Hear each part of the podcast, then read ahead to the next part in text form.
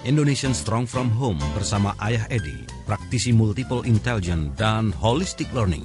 Selamat mengikuti.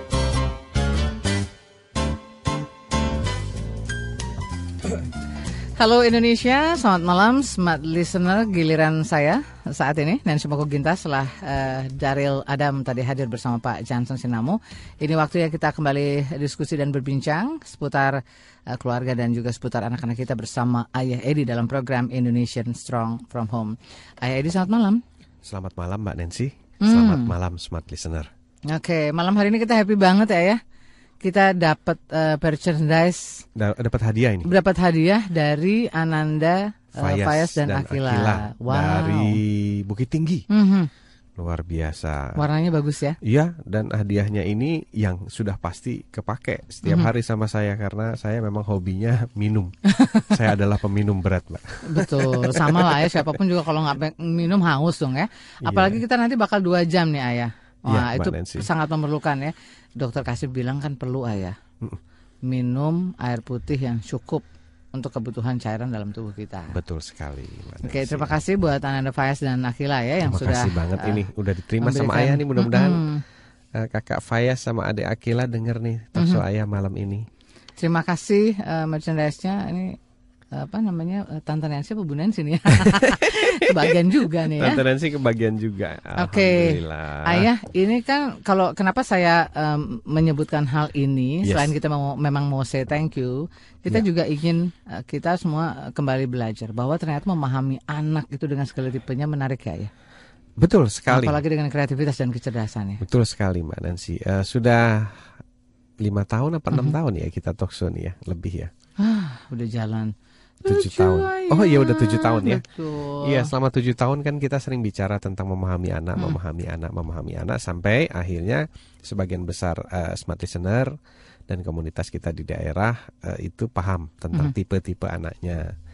Cuma yang saya mungkin perlu uh, bahas di sini adalah uh, beberapa di antaranya kami melihat bahwa banyak orang tua yang sudah paham anaknya kemudian pada akhirnya uh, ada sedikit uh, kekeliruan dalam hal me, me, apa namanya menafsirkannya misalnya mm -hmm. begini uh, anak saya nih kebetulan kinestetik ya kayak begini ini anak kinestetik mm-hmm. lompat-lompat terus dan sebagainya dan sebagainya kemudian ya begini ini misalnya anak otak kanan ya begini-begini nah eh, yang saya lihat adalah saya anak saya ada yang kinestetis mm -hmm. anak saya ada yang otak kanan mm -hmm. dan sebagainya tapi kita perlu ingat bahwa e, proses memahami ini bukan berarti kita membiarkan anak kita melakukan sesuatu sesuka hatinya hmm. sehingga hmm. pada akhirnya akan mengganggu orang lain.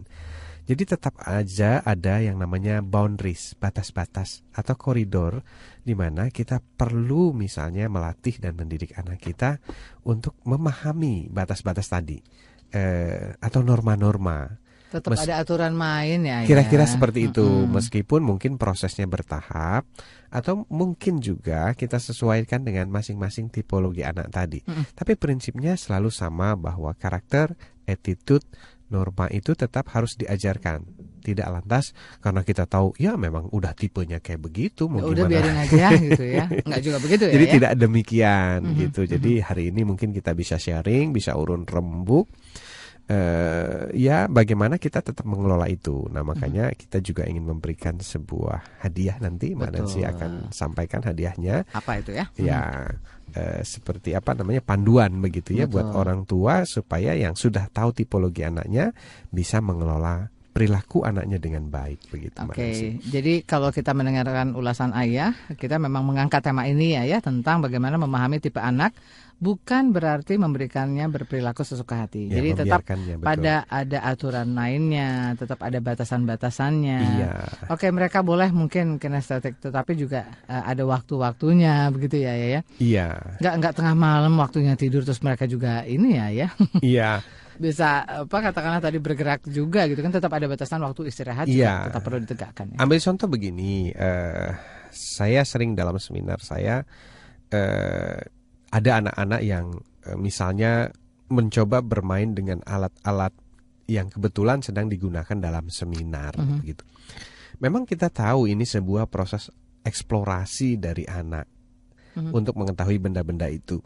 Tapi kita juga harus sadari bahwa ini ada momen uh, penting tentang seminar yang berhubungan dengan peristiwa publik. Mm -hmm. Jadi artinya kalau misalnya kita membiarkan anak kita bermain yang kebetulan nanti bisa berpotensi merusak alat tersebut, tentunya kita akan mengganggu kepentingan publik. Mm -hmm. Nah, di sinilah maksud maksud saya. Maksud saya adalah pentingnya orang tua tidak membiarkan anaknya, uh, walaupun uh, kita pada pada awalnya tahu bahwa oh ini memang tipe anak kinetes, eh, kinestetik, mm -hmm. tapi tentu saja untuk hal-hal tertentu kita tetap harus memperkenalkan tentang norma-norma. Misalnya saja begini, uh, kebetulan Dimas anak kedua saya itu otak kanan. Mm -hmm. Dan bergerak terus. Bahkan kalau kami dongengkan aja itu ada yang kakinya naik ke tembok, kemudian muter lagi, palanya ke bawah dan bergerak terus. Mm -hmm. Nah, tapi saya mencoba perlahan-lahan memperkenalkan bahwa ada area publik dan ada area pribadi. Uh, dengan cara misalnya begini Dimas ini nak ayah bisikin. Mm-hmm. Dimas itu punya om. Kalau punya om Dimas tidak boleh memainkan itu. Nanti kalau rusak itu punya orang lain. Kalau punya ayah di rumah boleh. Mm-hmm. ya. Jadi kalau Dimas mau main mau pegang mau coba nanti ya kita pas pulang boleh mm-hmm. Dimas atau nanti kalau ayah belum punya, kita coba beli, kita kumpulkan uang untuk beli alat itu. Mm -hmm. Dimas boleh eksplor, tapi kalau yang itu tidak. Mm -hmm. Nah, perlahan-lahan saya perkenalkan konsep boleh dan tidak, kemudian public area dan milik ayahnya atau mm -hmm. milik kita. Lama-lama Dimas paham betul dan sekarang hanya dengan bahasa mm -hmm. sederhana Dimas sudah memahami ya. Nah, itu bukan punya Dimas dan itu juga bukan punya ayah. Mm -hmm. Dan Dimas langsung paham itu uh, awalnya Dimas ya dia tidak tahu itu mm-hmm. gitu pokoknya kalau dia ingin tahu ya dia langsung pegang dia putar-putar mm-hmm. dia sebagainya nah di sinilah letaknya yang ingin saya sampaikan pada kepa, uh, apa para orang tua dan keluarga Indonesia yeah. bahwa uh, sudah saatnya uh, kita belajar satu hal baru bahwa kita harus tetap mengajarkan mana yang baik, mm-hmm. mana yang tidak, kemudian mengajarkan boundaries atau batas-batas kepada anak kita mm-hmm. apa pun tipologinya. Mm-hmm. Jangan dijadikan tipologi itu sebagai alasan pembenaran dia boleh melakukan itu. Oke, jadi tetap ada aturan-aturannya seperti yes, itu ya ya. Oke. Kira-kira. Seperti kita siaran juga tetap ada waktu-waktunya ya ya. Waktu kita break dulu nanti kita ngobrol lagi betul ya. Betul sekali Mbak Nancy. Tetap itu juga nggak boleh dilanggar karena memang yes. supaya kita siarannya bisa lebih fokus lagi. Baik, Smart untuk Anda yang ingin uh, berinteraksi seperti biasa kita buka kesempatan uh, 021 089 33888 atau di 0812 11 12 959 dan ayah ini juga menyediakan satu buah buku. Ya. Nah, ini yang akan kita jadikan kuis. Baik. Hmm, jadi ini bukunya nanti, bukunya bestseller katanya hmm. Mbak karena dalam tiga bulan sudah terjual lebih dari 6000 mhm. buku. Wow. Iya. Jadi nanti Anda yang ingin bertanya tentang tema kita boleh dan sekaligus menjawab uh, kuis juga boleh, tapi jangan lupa untuk Anda yang ingin menjawab kuis itu harus ada nama lengkap, ya, lalu juga profesi. Profesi, mm -hmm. yang penting profesi ya. Iya, alamat tinggal Anda paling tidak kota di mana tempat iya. tinggal Anda berada. Tanpa ada profesi kemungkinan nggak dapat. Hmm, setidaknya Anda memperkenalkan diri Anda seperti kita juga berdua memperkenalkan ya, diri kita persis secara begitu ya. kira-kira. Ya. Baik, uh, kuis kita kali ini adalah buku berjudul Ayah Edi menjawab dengan penerbit uh, Norma Books. Naura. Naura Books ya, ya maaf Naura ya. Books, Naura ya. Books ya. ya. Ini merupakan buku ke-6 atau ke-7 dari ya. Ayah Edi ya. Kalau ya, kalau A itu ke-6, uh. -huh. B itu ke-7. Jadi Jawabannya nanti bisa dipilih Pilih salah A, satu. 6, B, 7. Ya. Jadi pertanyaan saya adalah ini buku ke-6 atau buku ke-7? Betul ya? sekali. Silahkan Anda kirimkan melalui SMS, jawaban hanya melalui SMS ya. Di 0812 11 12 959. Kita break dulu. Dari Smart FM Jakarta kita kembali untuk Anda dan masih menyapa Anda di mana pun Anda berada tentunya di seluruh jaringan Smart FM Network. Selamat malam juga untuk Anda yang mendengarkan melalui Smart FM Palembang Eh, Medan dan apa kabar juga Anda yang di, ada di Semarang, Surabaya, Banjarmasin, Balikpapan, Makassar dan Manado dan juga Anda yang beberapa ada di eh, radio-radio sindikasi. Ayah Edi sudah kembali untuk kita. Dan kita masih mulai tentang uh, tema bagaimana memahami tipe anak, bukan berarti membiarkannya berperilaku sesuka hatinya. Dan kita juga punya kuis yang Anda bisa jawab. Eh, dan jangan lupa format untuk menjawabnya melalui SMS ke 0812 11 12 959. Pertanyaan kita sebenarnya mudah ya ya. Gampang sekali. Hmm, jawabannya saya tidak tahu apakah mudah apakah tidak ya. Iya. Pertanya pertanyaannya adalah uh, buku berjudul Ayah Edi Menjawab dengan penerbit Naura Books. Ini merupakan buku A ke-6, B ke-7. Nah, silahkan dijawab ya, yang mana yang A apa yang B. Pilih salah satu ya. Anda kirim eh, tentunya dengan format nama lengkap, lalu profesi Anda, dan jangan lupa tempat tinggal di mana kota Anda berada. Ya. Yes. Terima kasih. Nanti jawaban-jawabannya dan Anda juga jangan lupa kita beri kesempatan untuk uh, tetap berinteraksi dengan tema kita malam ini. Iya. Ayah, mungkin kita boleh remind sedikit tentang uh, tipe-tipe anak sehingga mungkin kita bisa uh, jadi lebih memahami lalu kemungkinan-kemungkinan yang uh, tentunya mungkin perlu kita sikapi dengan tipe-tipe ini. Ya, pertama saya ingin uh, mereview lagi bahwa dulu kala ya uh mhm. -huh. dunia psikologi dan dunia pendidikan belum mengenal atau belum memahami bahwa ternyata anak itu beragam dan unik -hmm. dalam segala hal. Yeah. Dan ini disebabkan karena keberagaman eh, apa namanya tipe otak juga mm -hmm. begitu. Keberagaman bagaimana dia belajar. Sehingga zaman dulu kala itu bahwa anak yang baik atau anak yang normal itu hanya satu jenis gitu. Mm-hmm. Biasanya kalau anak itu duduk diam, kemudian penurut, eh, gampang diatur dan sebagainya. Eh, prinsip-prinsip dasar anak baik atau anak normal itu seperti itu, mudah diajari. Nah, eh, pemahaman ini berlangsung terus sampai berabad-abad sejak zamannya Alfred Binet mengeluarkan mm -hmm. yang namanya tes IQ. Ya, ini tes untuk menentukan apakah seorang anak itu pandai atau tidak pandai. Nah, sampai suatu ketika tahun 1990-an para pengamat pendidikan di Amerika dan di Eropa itu uh, menemukan kejanggalan-kejanggalan bahwa anak-anak yang katanya dianggap bermasalah mm -hmm. atau di dicap sebagai atau di label sebagai anak-anak bermasalah mulai dari ADD, attention deficit disorder, attention hyperactive disorder, kemudian learning disability, kemudian disleksia dan sebagainya. Itu ternyata kok menurut catatan sejarah justru menjadi anak-anak yang luar biasa mm-hmm. dan mulai salah satu tokohnya yang tertua adalah Leonardo da Vinci yang mengalami kesulitan baca hingga usia 8 tahun. Hmm. Kemudian yang lebih dekat lagi ke kita adalah Thomas Alva Edison yang dikeluarkan kelas 1 SD baru sekolah 3 uh, eh, bulan ya. katanya yeah. Learning disabled, hmm. tidak mampu mengikuti pelajaran sekolah dan tidak bisa mengikuti gurunya.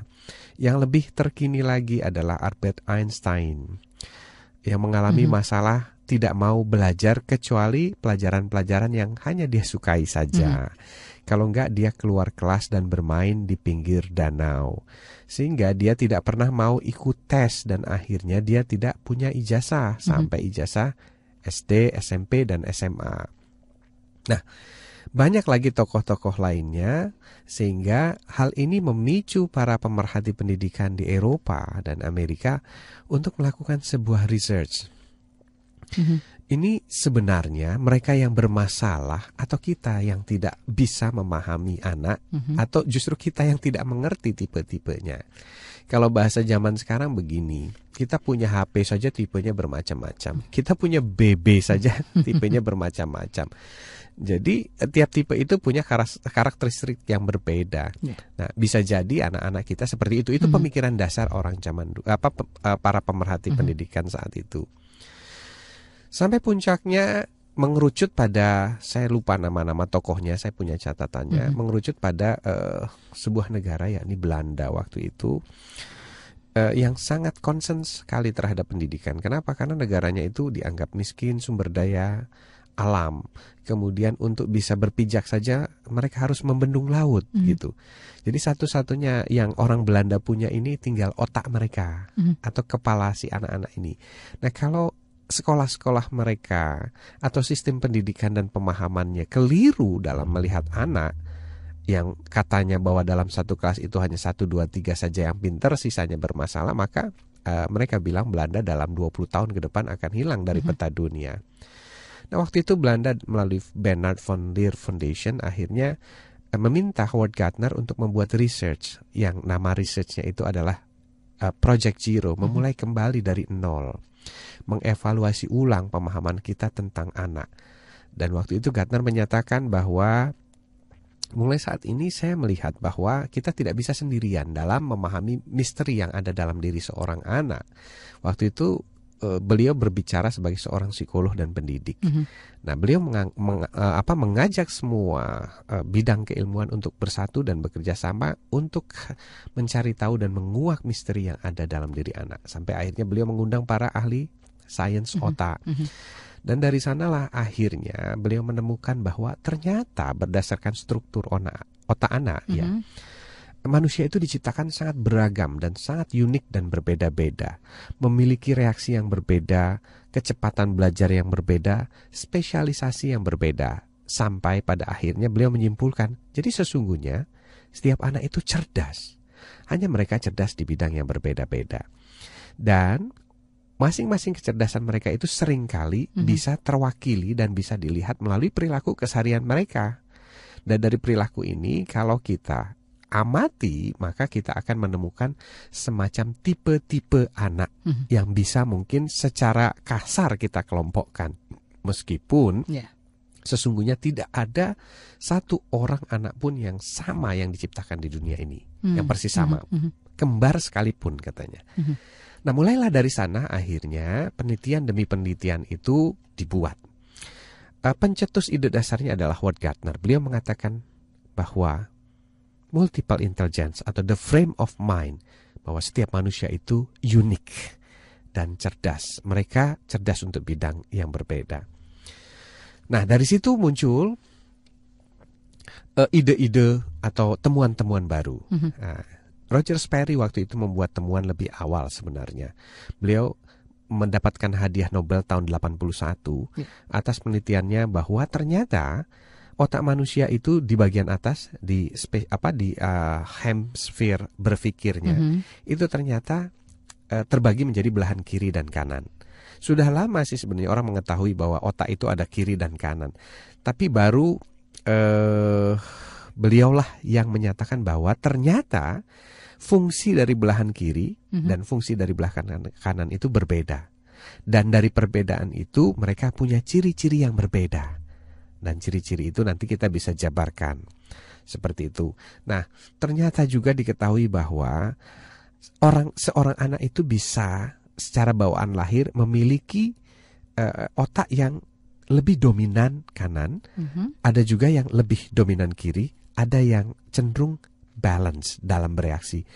Nah, dulu hal itu dilakukan melalui proses penelitian otak. Mm-hmm. Jadi dengan menggunakan alat-alat sains.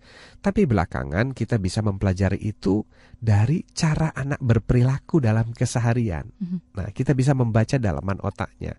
Jadi eh, kalau dulu Howard Gardner itu harus membedah otak, tapi sekarang dengan eh, apa pemahaman yang atau pengetahuan yang lebih banyak, kita tidak perlu lagi melakukan bedah otak anak, melainkan kita bisa melihat ciri-ciri mm -hmm. atau kecenderungan-kecenderungan. Nah, kita bisa membuat daftar atau eh, catatan bahwa anak kita ini memiliki topologi yang seperti ini dari reaksinya. Kemudian itu nanti akan berhubungan dengan yang pertama, mm-hmm. karir dan profesi dia. Jadi luar biasa sekali sebenarnya ini sebuah quantum leap ya, lompatan yang sangat mm-hmm. jauh gitu.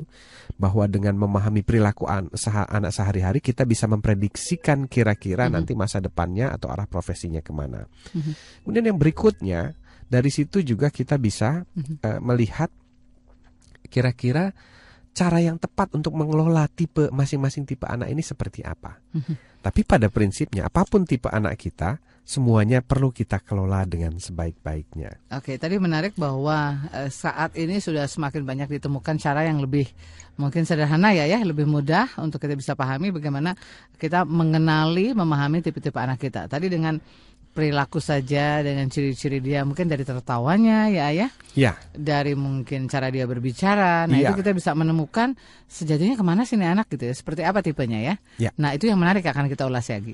Baik. dan terima kasih untuk anda yang sudah mengirimkan uh, jawaban buat kuis ayah Hmm, banyak sekali ternyata.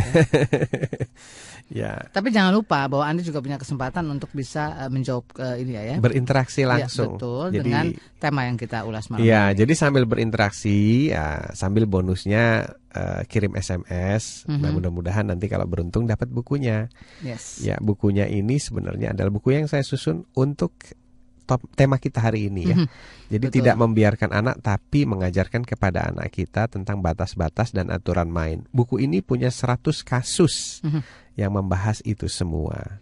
Jadi kalau punya buku ini ibarat seperti kita punya kamus. Jadi kalau kesulitan tinggal lihat ini di pasal berapa, Betul. halaman berapa, tinggal ikuti, praktekkan insya Allah nanti berhasil kalau okay. konsisten.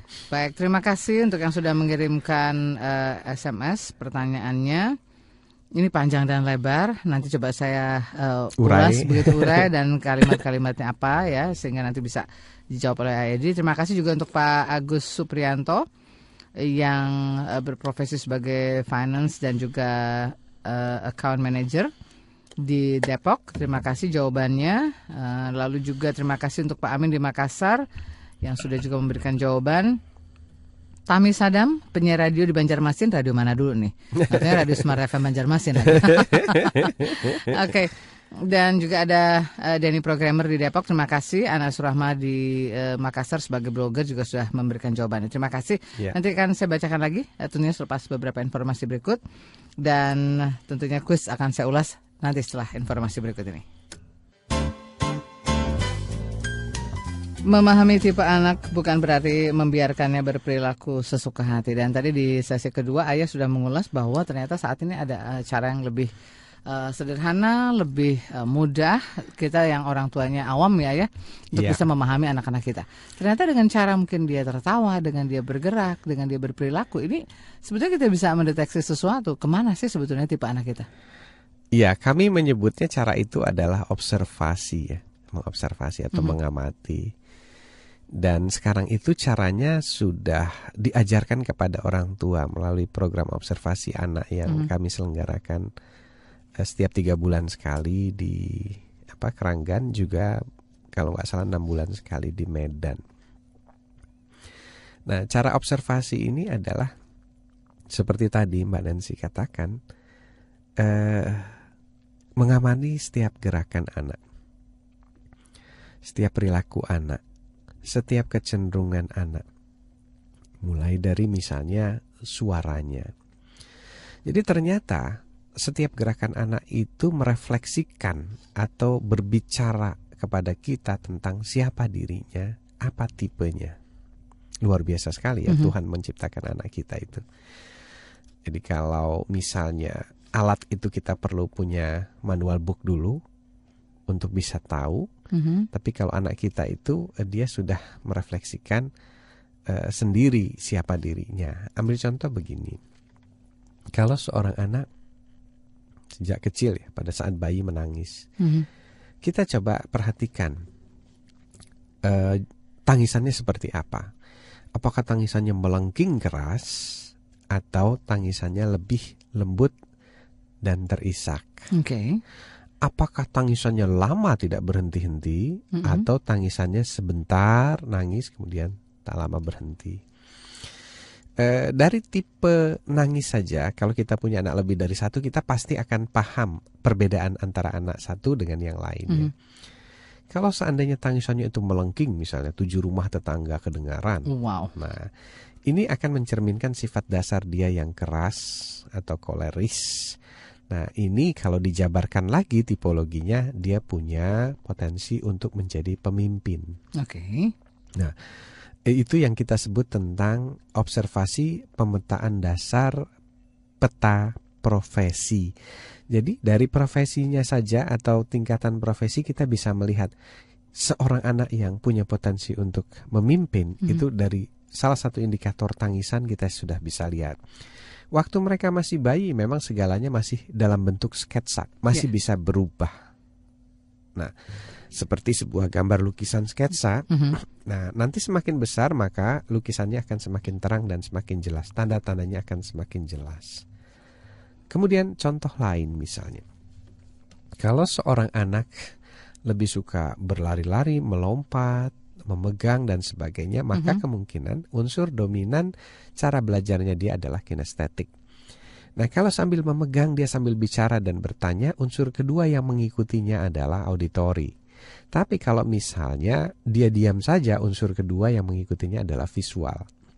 Jadi kita lihat apakah dalam beraktivitas anak kita bergerak sambil bersuara mm -hmm. atau bertanya apakah dia bergerak diam saja kemudian tiba-tiba barang kita sudah diobrak-abrik misalnya ya atau dibongkar, dipasang dan sebagainya. Jadi itu sebenarnya sebuah uh, petunjuk bagi hmm. kita atau clue bagi kita untuk memahami anak kita begitu. Nah, ambil contoh saya memperhatikan Dimas. Dimas itu selalu bergerak. Selalu bergerak dan selalu bicara biasanya dia bicara dulu baru bergerak. Mm-hmm. Nah, jadi sebelum dia melakukan gerakan biasanya dia akan bicara dulu.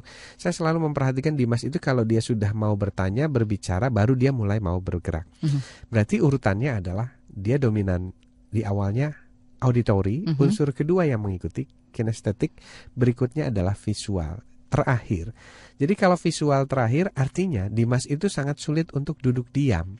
Jadi proses pembelajarannya dia harus sambil bergerak. Yeah. Kemudian modelnya tanya jawab. Mm -hmm. Seperti itu. Interaktif gitu ya. Interaktif kira-kira. Nah, eh, ini adalah clue-clue dasar. Begitu kita paham clue-nya, maka yang pertama kita tahu bahwa kita menyadari bahwa untuk bisa membantu dia belajar, maka izinkanlah dia bertanya sebanyak-banyaknya. Kemudian kita menjelaskannya dengan cara melihat gambar atau mempraktekkan atau memperagakan mm -hmm. langsung. Begitu tekniknya.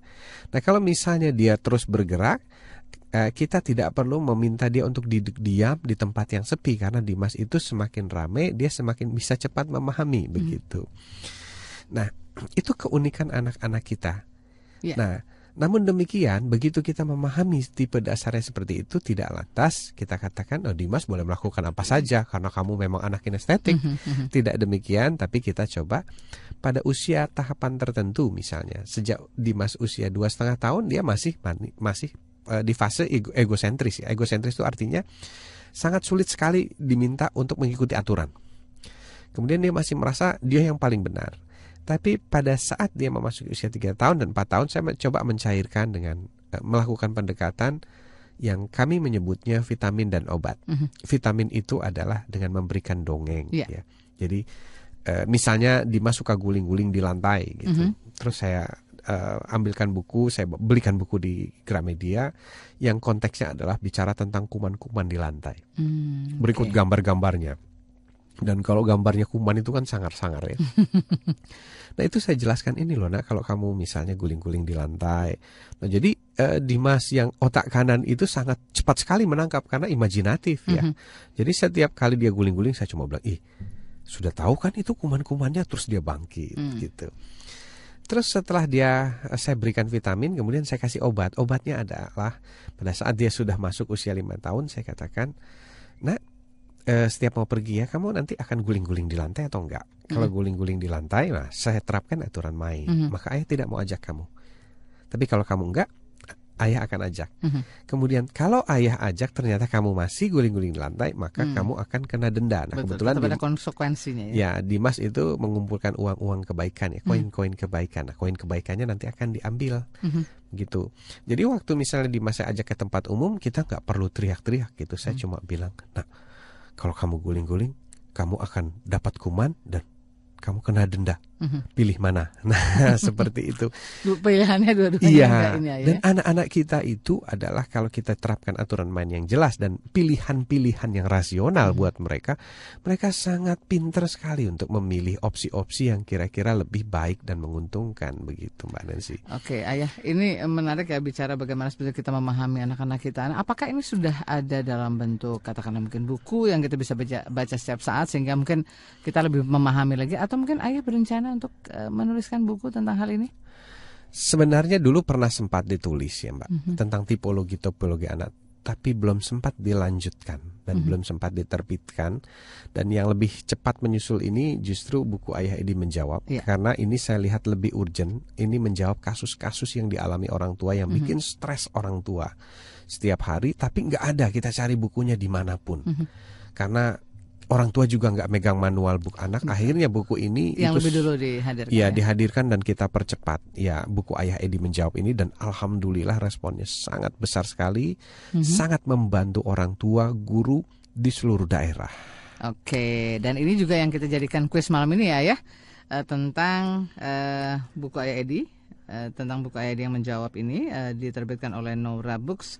Kita berikan kuisnya untuk Anda. Apakah ini merupakan A, buku ke-6, B, buku ke-7 dari Ayah Edi? Silahkan dipilih jawabannya A atau B, 6 atau 7. Nah, Anda kirim uh, tentunya dengan uh, nama lengkap, lalu juga profesi Anda, dan jangan lupa juga ya dengan uh, alamat di mana Anda tinggal atau di kota tempat tinggal Anda.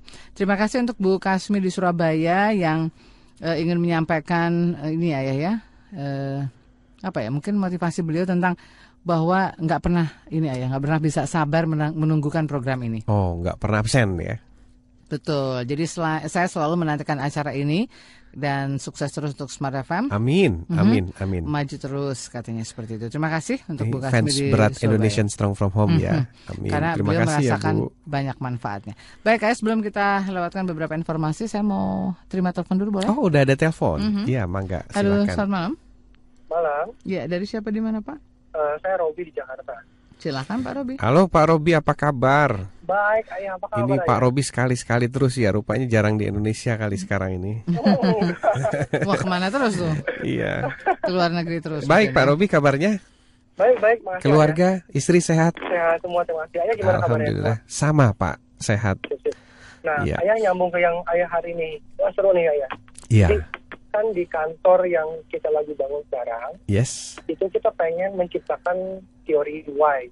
Di kantor lama atau udah baru kantor nih Pak? Oh enggak, enggak yang lama Pak. Yang lama. Masih lama, masih, oke okay, lama, masih lama. kita bilang bahwa kita pengen nyiptain lingkungan kerja yang ke teori why. Oke. Okay. Di mana manusia ini semestinya punya dewasa deh. Uh. Nggak perlu dipaksain, nggak yeah. perlu dikontrol, nggak yeah. perlu dikasih ancaman gitu. Iya. Yeah. Uh, memang di dalam perjalanannya cukup berat. Yes. Karena kita believe bahwa kalaupun kita kerja di tempat orang, kita pengennya begitu kan ayah ya, yeah. percaya orang, yeah. bisa maksimal. Ternyata setelah sekian lama nggak gampang untuk mm -hmm. untuk, untuk mempertahankan. Yeah. Nah, nyambung ke teori yang X kan bahwa gimana orang yeah. ini mestinya di dikasih penalti, eh, yeah. dikasih konsekuensi atau uh, dan reward. Iya. Yeah. Nah, nyambung ke yang ayah ayah, ke yang ke anak gitu. Iya. Yeah kalau kita teori gitu ya kalau kita uh, lakukan dari kecil dengan teori X bahwa ini ada reward sama ada konsekuensi iya yeah. apakah malah enggak ke teori Y yang lebih yang lebih baik ya ya nah itu yang saya bingung misalnya uh, iya itu itu saya uh, agak konfusi itu karena yeah. secara dunia kok perasaan indah gitu kalau kita semua berpikir bahwa aduh yeah. teori Y indah gitu. Iya. Walaupun to be honest bahwa dalam pelaksanaannya waduh iya seru ya mm-hmm. tapi kita terus terus kita nggak bilang bahwa kita mau berubah kita terus iya. berharap bahwa kita punya link kerja dipercaya sama semuanya selama itu ayah minta tolong advice ayah. Ya, Oke baik, baik Pak baik, Robi Pak nanti kita akan ulas ya. Jadi bicara soal uh, bijak dan ya. juga sebuah perubahan bagaimana menyikapi hal ini. Ya. Betul. Kita akan uh, ulas tentunya selepas beberapa informasi berikut dan tetap bersama kami. Kita kembali untuk Anda di program Indonesian Strong From Home dan masih mengulas tentang memahami tipe anak bukan berarti eh, membiarkannya berperilaku sesuka hati. Dan Ayah Edi masih bersama kita. Terima kasih juga untuk Anda yang sudah menjawab kuis uh, tentang buku berjudul Ayah Edi Menjawab dengan penerbit uh, buku Nora Books. Nah, yang kita jadikan kuis atau gamesnya adalah apakah buku ini merupakan buku A ke-6 atau B yang ketujuh dari Ayah Edi. Ya, silahkan dijawab melalui SMS center kami di 0812 11 12 959. Tolong tuliskan nama lengkap Anda, lalu juga profesi dan jangan lupa juga uh, mungkin alamat lengkapnya di mana kota tempat tinggal Anda. Terima kasih untuk yang sudah mengirimkan beberapa jawabannya. Mm -hmm.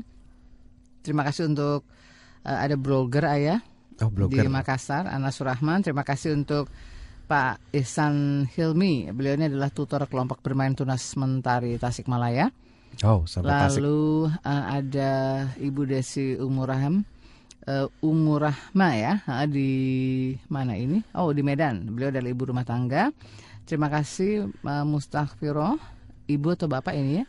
Beliau di Kendal, profesinya guru.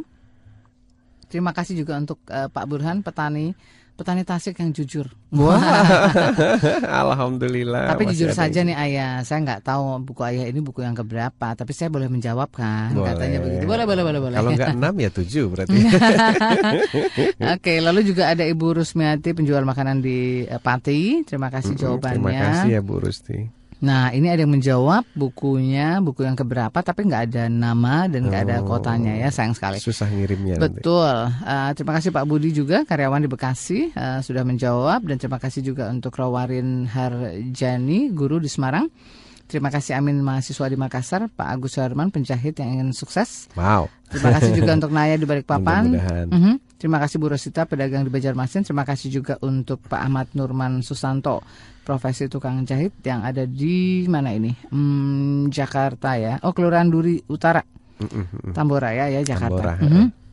Terima kasih juga untuk Ibu Halimah, ibu rumah tangga yang seorang penjahit juga mm -hmm. di Medan. Terima kasih untuk Ibu Teresa Karawati, eh, Karyawati. Ya. Sudah menjawab Pak Hayatun juga uh, di eh, Ibu Hayatun ya di Medan. Mm -hmm. Um, lalu juga terima kasih untuk Fatimah, mahasiswa di Makassar atas jawabannya dan juga Bu Rusmiati penjual makanan di Pati. Wow. wow. Yeah. Oke, tadi kita punya pertanyaan dari Pak Robi ya ya. Ya. Bagaimana sih sebetulnya dengan uh, bijak bisa menyikapi sebuah perubahan walaupun mungkin kita di sana tinggal di sekitar orang-orang yang berbeda juga uh, cara pandangnya tetapi perlu disikapi bahwa ini adalah sebetulnya sebuah perubahan yang baik. Ya sebenarnya pertanyaannya ini berkisar tentang teori XY kalau nggak salah McGregor punya ini ya. Mm -mm. Uh, saya lebih menyebutnya ini teori hitam putih. Jadi kalau nggak hitam putih ini mirip-mirip dengan uh, stick and carrot ya, stick and carrot. Mm -hmm. Jadi menurut teori ini orang itu ada yang baik itu uh, Y gitu, mm -hmm. ada yang tidak baik X begitu uh, ini sebenarnya asumsi ya, asumsi hitam putih dalam melihat kenyataan uh, dunia. Karena memang dunia kan selalu gitu ya, ada siang, ada malam, ada pagi, ada sore, ada hitam juga ada putih. Mm -hmm. uh, ya itu teori ini keluar waktu zamannya televisi masih hitam putih Pak Robi. Yeah. Ya, jadi yang kita tahu selalu kalau nggak hitam ya putih. Tapi kan tahun 70-an uh, atau persisnya mungkin era 80-an televisi udah berubah tuh jadi warna. Nah, begitu berubah jadi warna, kita mulai lebih uh, banyak lagi pemahaman baru bahwa manusia tidak hanya hitam putih, ternyata berwarna-warni mm -hmm. dengan tipologi masing-masing begitu. Jadi handlingnya pun harus sesuai warnanya masing-masing kalau kita ingin hasilnya uh, pas begitu. Sebenarnya apa yang saya sampaikan ini adalah eh, apa yang pernah disampaikan oleh Hippocrates kira-kira 1500 tahun yang lalu kemudian dibawa oleh seorang pendeta namanya Tim LaHaye ya di Amerika mm -hmm. kemudian eh, sampailah ke tangan Florence Litter seorang eh, apa namanya semacam psikolog ya menulis buku. Eh, beliau membawa tentang teori eh, Hippocrates ini yakni tipe-tipe orang berdasarkan campuran kimia otaknya. Nah eh, pengalaman saya Pak Robi bahwa dalam hal menangani manusia, anak-anak juga kan manusia, orang dewasa juga manusia sebenarnya sama, cuma beda usia saja. Saya kok mendapati lebih cocok dengan pola warna-warni atau colorful ketimbang hitam putih. Waktu saya memilah orang itu dengan hitam putih, saya akan merasa sangat kesulitan sekali melakukan pendekatan dan perubahan. Eh, memilih kata-kata dan teknik yang cocok untuk mengubahnya juga itu repot sekali. Mm -hmm. Tapi begitu akhirnya saya belajar tentang ilmunya Hippocrates, kemudian ditambah penguatan oleh uh, Donna Markova yang menemukan uh, teori tentang uh, apa namanya kinesthetic auditory dan uh, apa visual. Mm -hmm. Akhirnya saya melakukan format ulang atau formulasi sendiri dan saya praktekkan selama 10 tahun untuk menangani anak-anak TK yang masih original Pak ya. Jadi kalau orang dewasa mungkin sedikit agak sulit karena mereka pandai bersandiwara. Tapi kalau anak-anak itu tidak ada sandiwara di dalam hidupnya, jadi saya bisa memahami betul original tipikal mereka masing-masing. Mm -hmm. Dan ternyata memang warna-warni Pak mereka. Minimal itu ada 16 campuran warna yang tidak sama persis uh, dari mereka. Nah, campuran-campuran itu yang saya pelajari. Kemudian apabila mereka mengalami kasus, pendekatan campuran itu pula yang saya lakukan kepada anak-anak ini, termasuk pada akhirnya ke orang tuanya juga. Mm -hmm. Sampai akhirnya ini saya turunkan ilmunya sepenuhnya kepada miss-miss dan guru-guru kami selama 10 tahun dan mereka sangat menguasai sekarang. Akhirnya melakukan proses observasi dan saya meminta supaya ilmu ini juga dikuasai oleh orang lain yang paling penting adalah orang tua si anak yang mengikuti program observasi tadi supaya kita bisa mendidik anak kita secara tepat. -huh. Jadi uh, melahirkan bibit-bibit unggul sesuai dengan tipenya masing-masing. Nah berkaitan dengan perusahaannya Pak Robi tadi, uh, mungkin juga perusahaan itu akan mengalami kesulitan yang sama dengan yang saya alami kalau melakukannya hanya dengan hitam putih atau X Y X Y karena memang ternyata manusia itu bukan X dan Y. Uh -huh gitu manusia itu ada minimal 16 tipe color yang compounding warnanya itu sangat bervariasi dan pendekatannya sangat personal dan kasuistik. Jadi kalau kita hanya menggunakan XY nanti nggak akan kena itu. Jadi eh, mungkin ada baiknya Pak Robi mengajukan usulan ke perusahaan bahwa karena sekarang sudah zamannya TV berwarna dan bukan hitam putih bahkan mm -hmm. berwarna tiga dimensi Nah, mungkin kita perlu melakukan perubahan pendekatan, tidak lagi menggunakan teori X Y yang menurut saya sih sebenarnya sudah tidak sesuai lagi dengan zamannya, mengganti dengan teori colorful model observasi ini. Jadi dengan model observasi maka ada satu pihak tertentu yang menjadi pengamat setiap karyawan sehingga tahu pola-polanya dan melakukan pendekatan sehingga dia nanti bisa didekati untuk menjadi karyawan yang kita harapkan. Mm -hmm. Nah, seperti itu. Saya percaya dengan pengalaman saya 10 tahun ini ternyata tidak ada uh, apa namanya orang yang tidak berprestasi. Yang ada ternyata Pak Robi adalah uh, the right man mm. in the wrong place. Mm. Ya, the right man Jadi gak sesuai in ya? the wrong place. Mm -hmm. Gitu. Atau orang yang baik di tempat yang salah atau orang yang baik dengan penanganan yang salah. Kira-kira hmm. seperti itu, Pak Robi. Oke, semoga menjawab. Terima kasih Pak Robi sudah uh, berbagi dengan kita ya ya. Ya. Dan saya juga mau saya thank you dulu uh, yang sudah mencoba Silakan, menjawab kuis kita. Hmm, terima kasih untuk uh, Pak Rahman di Semarang. Oh, mahasiswa ya, Mas Rahman berarti ya. Oke, terima kasih juga untuk Ibu Farida Simon, rumah tangga, ibu rumah tangga ya di uh, Welirang Surabaya. Terima kasih Ibu Nur profesinya guru di Surabaya. Terima kasih juga untuk Pak Ade Mulyana, uh, profesinya driver, tinggalnya ya. di Bojong. Ya. Terima kasih juga untuk uh, Pak Nurwan ya, beliau adalah uh, karyawan sebuah yayasan ada di Makassar. Terima kasih. Uh, selamat malam juga untuk Mama Kristiana, profesi beliau adalah uh, buruh pabrik di uh, Kelapa Nunggal Cilengsi Bogor. Ya. Terima kasih juga jawabannya Pak Agus Suherman. Sampai Cilengsi ya, Betul, Alhamdulillah ya. Eh, penjahit yang ingin sukses. Oke. Okay. Uh, eh, dan ternyata katanya program IID uh, eh, sangat membawa banyak perubahan dalam diri beliau. Amin, Terima kasih. Amin, mudah-mudahan. Oke, okay, baik. Nanti kita akan lanjutkan lagi dan yang pasti ada informasi juga untuk Anda yang ingin mengikuti seminar IID bersama Pak Bambang, Pak Arfan dan juga bersama Pak Antoni Dio Martin. Ya, Ini empat akan pembicara, kolaborasi betul, empat pembicara ya. Akan hadir pada tanggal 3 November 2012. Dan untuk Anda yang mendaftarkan malam hari ini akan mendapatkan uh, investasi spesial Rp220.000 per orang. Dan format pendaftarannya mudah sekali dengan SMS saja ketik rek spasi nama lengkap dan Anda kirim ke 0855 884 1515. Dan jangan ke mana-mana selepas beberapa informasi berikut kami masih akan kembali bersama Ayah Edi. Smart FM, The Spirit of Indonesia masih kembali mengulas memahami tipe anak bukan berarti membiarkan berperilaku sesuka hati dan tadi seperti disampaikan oleh Edi di satu jam yang pertama bahwa saat ini kita uh, lebih dimudahkan karena ternyata ya. kita bisa melihat ciri atau tipe dari anak kita itu melalui sifat dan juga perilakunya. Ya.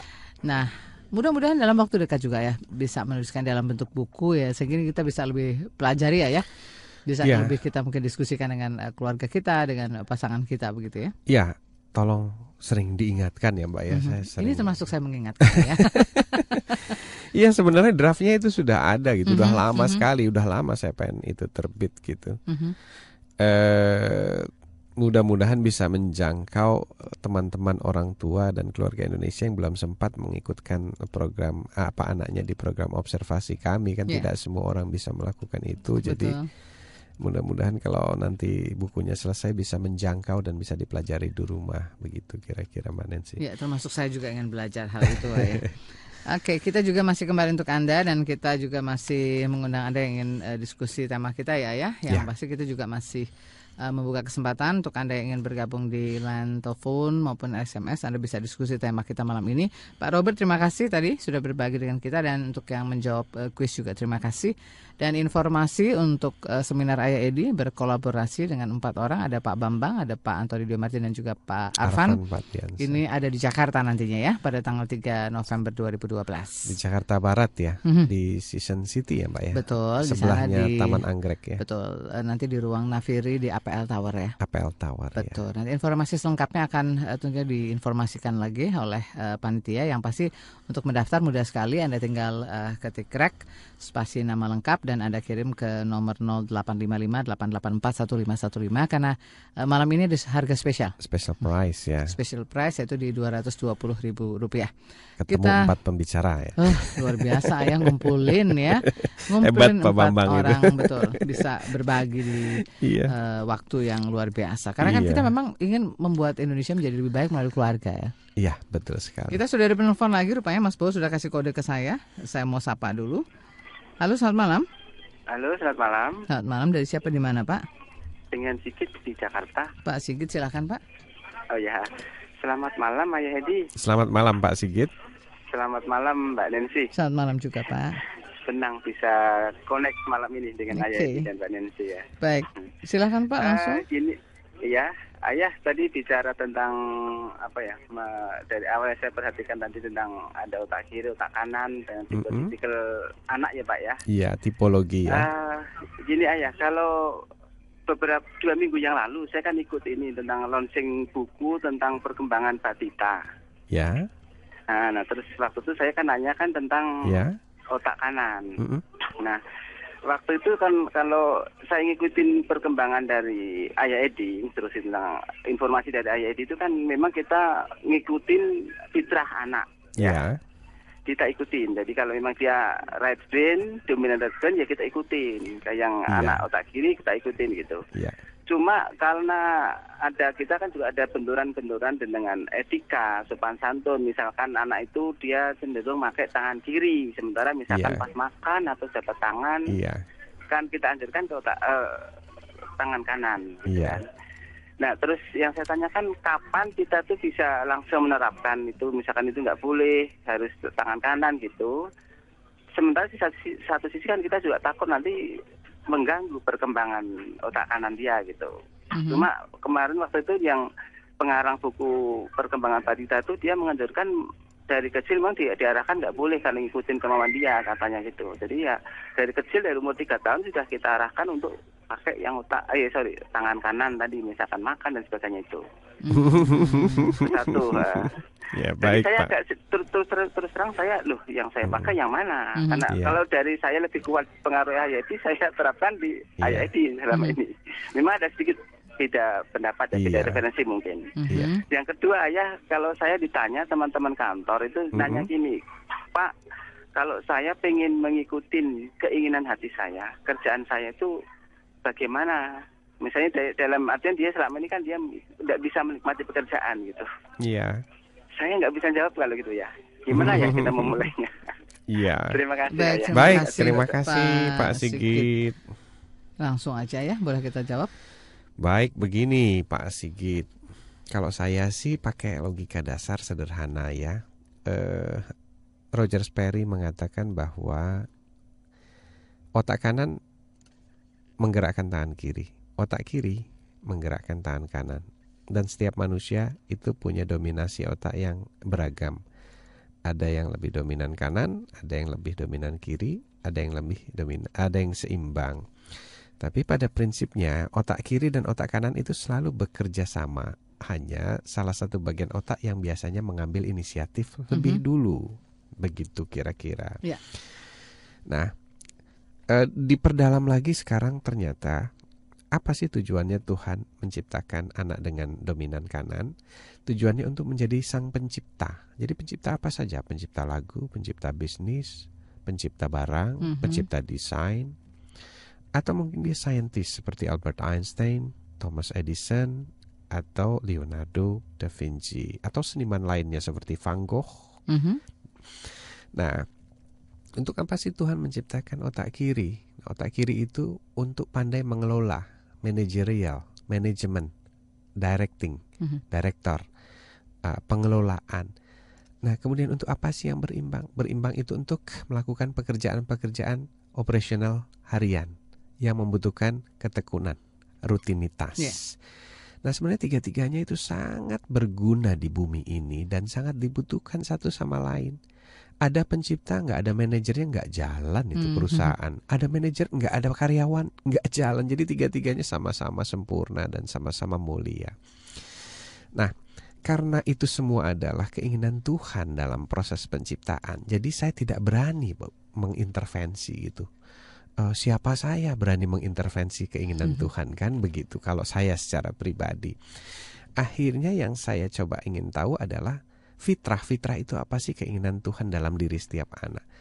Nah, kalau seandainya seorang anak itu difitrahkan, diciptakan oleh Tuhan dominan otak kanan, berarti Tuhan ada keinginan tertentu, ada pesan tertentu mm -hmm. melalui anak ini untuk nanti kalau besar jadi orang yang seperti apa, apakah dia saintis atau dia pencipta yang akan berguna ciptaannya untuk manusia di bumi ini. Mm -hmm.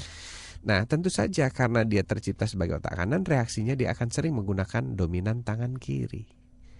Nah kalau tangan kirinya kita intervensi, saya selalu berpikir siapa saya berani mengintervensi Tuhan gitu. Yeah. Jadi saya selalu katakan saya akan biarkan anak saya menggunakan tangan kiri karena itu mau Tuhan ya. Mm -hmm. Nah, lantas ada yang bertanya pada saya, bagaimana kalau itu melanggar etika? Lo etikanya yang harus diubah. Kok etika bertentangan dengan keinginan Tuhan? Berarti etika itu bukan etika dari Tuhan kan yeah. begitu. Lalu ada yang mengatakan lagi, tapi kalau di Islam itu diajarkan loh, katanya harus pakai tangan kanan. Kata siapa? Di Metro TV saya melihat dengan jelas-jelas sebuah dokumen film dokumenter yang menayangkan bahwa Rasulullah bersahabat dengan Sultan Kidal dari Tanzania. Boleh dicari nanti di Metro TV. Nah lantas kalau Rasul memang melarang tangan kiri, pasti Sultan itu sudah diganti namanya jadi Sultan kanan bukan hmm. Sultan Kidal hmm. gitu. Jadi eh, hidup ini adalah pilihan Pak. Nah, kalau kita mau mengintervensi pesan Tuhan atau keinginan Tuhan melalui anak kita silahkan bebas kok. Gitu tentunya dengan risiko yang kita ada konsekuensi ya. ya konsekuensi yang kita pahami. Tapi saya sebagai seorang pendidik yang saya belajar tentang bagaimana membaca tanda-tanda kebesaran Tuhan dalam diri anak kita saya harusnya mengambil sikap yang benar begitu pada saat saya paham bahwa ini adalah bukan kemauan si anak tapi kemauan Tuhan. Apakah saya akan mengorbankan kemauan Tuhan berdasarkan tradisi turun temurun? Mm -hmm. Saya tidak akan melakukan itu. Karena tradisi itu diciptakan bukan berdasarkan sains, tapi hanya kebiasaan dan ide leluhur kita. Manakala ide itu baik, nggak apa-apa, saya ikuti. Yeah. Tapi manakala ide itu bertentangan dengan sains, saya lebih memilih sains. Hmm. Begitu jawaban saya, Pak. Jadi kami serahkan kembali pilihannya kepada smart listener dan Bapak sendiri. Betul, kita punya pilihan-pilihan ya, yang mana menurut kita memang terbaik. Yang penting segala sesuatu yang ada ini kan pasti ada hikmah dan manfaatnya ya. Uh, ada tujuan di dalamnya, hmm. ada maksud Tuhan di dalamnya, dan saya tidak mau dan tidak berani sampai saat ini mengintervensi maksud Tuhan dalam diri anak saya, okay. juga anak-anak lain begitu. Hmm. Oke, okay, baik. Dan kita juga masih memberi kesempatan untuk Anda yang ingin berbagi dengan kita ya ya. Ya, silakan. Masih ada quiz dan games. Waduh, makin malam makin banyak ini yang ingin menjawab ya. Alhamdulillah, artinya pendengar kita banyak, Mbak. Amin. ya. Alhamdulillah, amin. Oke, kita lanjut lagi. Saya mau baca-baca lagi ya, ya beberapa yang sudah kirim uh, jawaban. Silakan, monggo, Mbak. Pak Suyudi di Balikpapan, profesinya pedagang. Terima kasih. Ibu ya. Ida Hamidah, ibu rumah tangga. Terima kasih juga di Tasikmalaya. Beliau tinggal. Ya. Pak Wawan Kuswandi, pekerjaannya pedagang di Tasikmalaya. Terima kasih jawabannya. Lalu yang berikut ada Pak uh, Wilbert Situmeyang, beliau uh, profesinya dari pimpinan cabang perusahaan swasta nasional di Jakarta. Terima kasih Pak jawabannya. Lalu jawaban dari Pak Maringan di Kota Medan, terima kasih. Pak Pugu Jeprianto di Sidoarjo, profesinya wira swasta, terima kasih juga jawabannya. Pak siapa lagi yang berikut? Oh, Oke, terima kasih juga untuk uh, Pak Astono. Beliau adalah driver. Beliau tinggalnya di Kemayoran, Jakarta Pusat. Terima kasih juga untuk Pak Rahman, uh, profesinya uh, eh, OB uh, di sebuah perusahaan swasta. Di Surabaya bukan ini? Di Banjarmasin. Oh, di Banjar ya. Kemarin yang dapat buku di Surabaya ya. Betul, di Sidoarjo ya, ya ya. ya. Uh, terima kasih juga untuk um, Baiti ya, guru TK sekaligus juga mahasiswi di Jakarta Timur. Terima kasih Juristina Eromati, profesinya admin di lembaga pendidikan ada di Semarang. Terima kasih juga jawaban dari Bapak Hari Sidarta di Penajam, Penajam Pasar Utara, Kaltim. Uh, beliau adalah uh, ketua badan akreditasi sekolah madrasah ya. Wow, keren Pak. Mudah-mudahan nanti madrasah kita semakin baik ya. Yes, oke. Okay, terima kasih juga jawabannya. Terima kasih Pak Herman di Alaudin Makassar atas jawabannya dan terima kasih juga uh, siapa ini? Oh, Ibu Mujianti di balik papan ya. Pak yang berikutnya terima kasih untuk uh, oh Ibu ya, Ibu Aslam ya di uh, Binjai atas jawabannya. Baik, ayah sebelum dilanjut lagi, saya mau uh, beri kesempatan melalui line telepon. Sudah ada yang ingin bergabung dengan kita. Selamat malam. Silakan. Selamat malam, Mbak Iya, selamat malam. Dari siapa di mana, Ibu? Dewi. Ibu Dewi. Ya. Oh, Oke, okay. silakan Bu. Iya, selamat malam Ayah Edi. Selamat malam Bu Dewi, Sugeng Dalu. Iya, Sugeng Dalu. Ayah ya, mau silakan. tanya lagi nih. Monggo. Maaf repoti loh.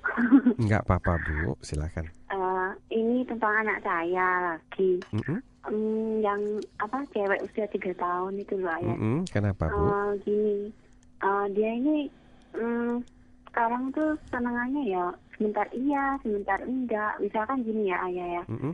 uh, kepingin skuter temen-temennya mm -hmm. di kampung ada skuter punya punya skuter gitu uh-uh. ma belikan skuter terus saya bilang ayo kumpulin kumpulin koin-koin kebaikannya betul kamu bagus gitu. uh-uh.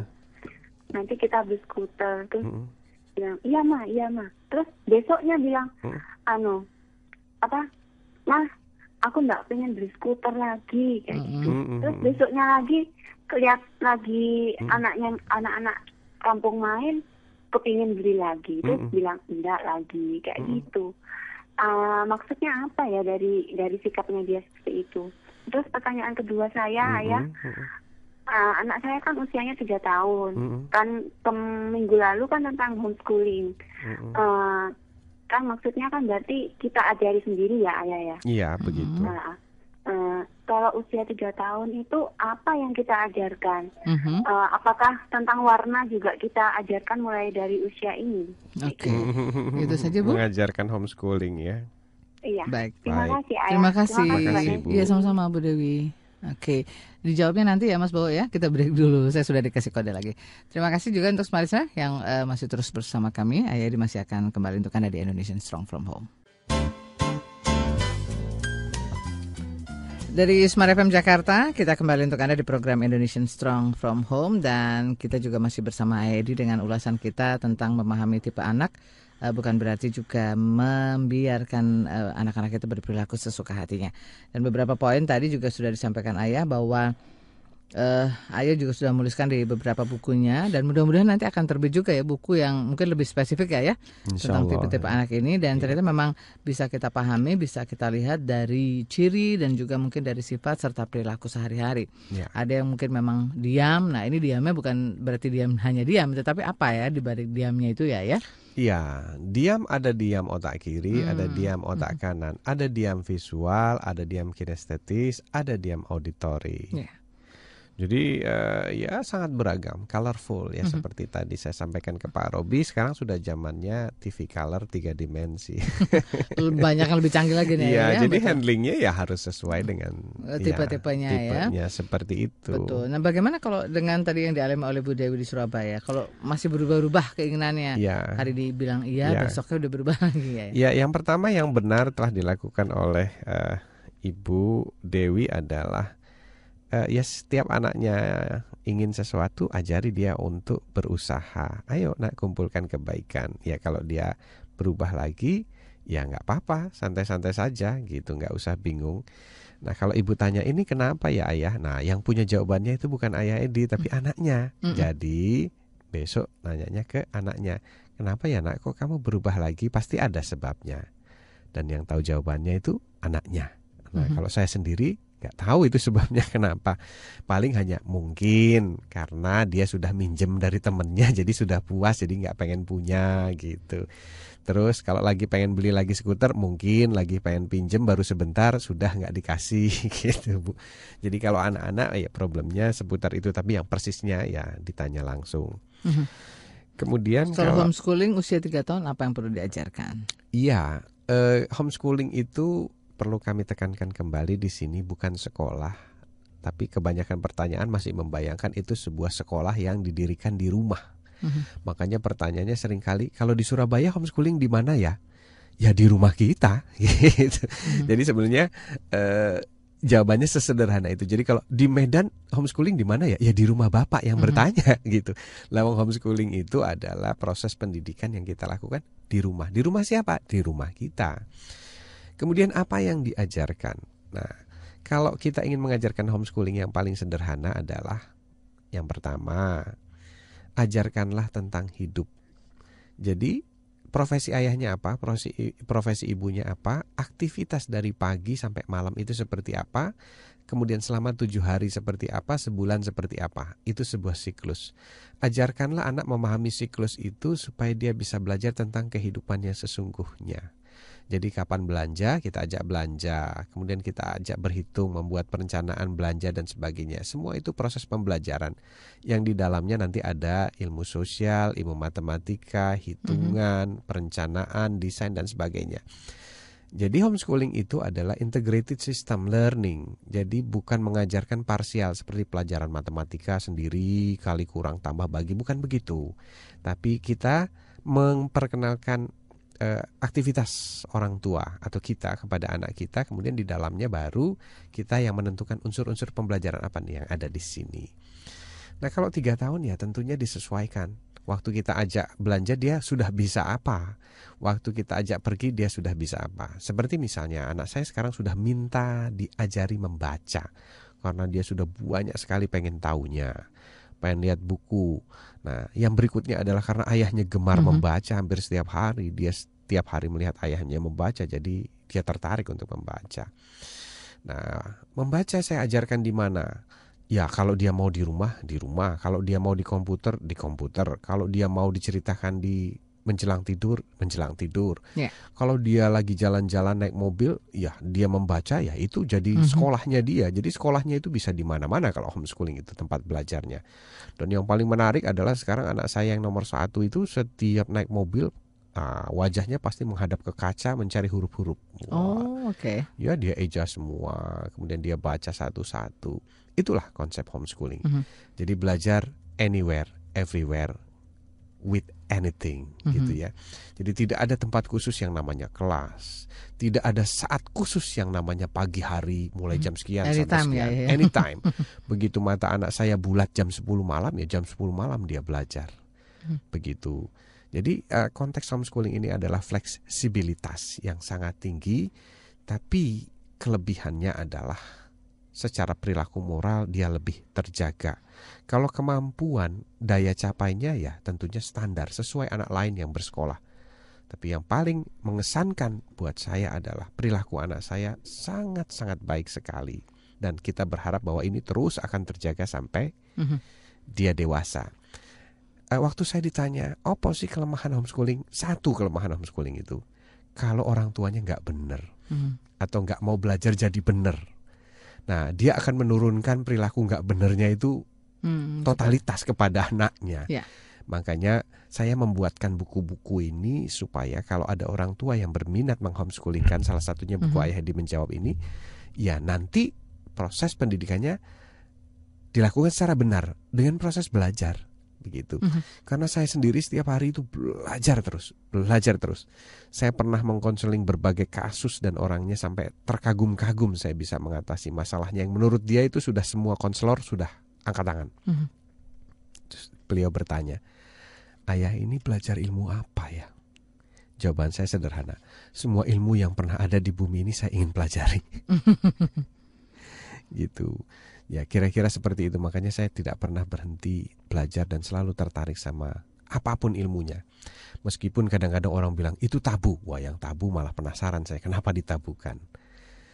Jadi okay. akhirnya saya bisa melihat melihat segala macam masalah uh, dari berbagai sudut pandang Plus pada saat saya homeschoolingkan anak saya, saya sekaligus belajar dan dipacu untuk terus belajar oleh anak saya karena anak saya tiap hari nanya terus mm -hmm. dan tidak semua pertanyaan itu bisa saya jawab dan saya akui bahwa ayah juga manusia. Nah.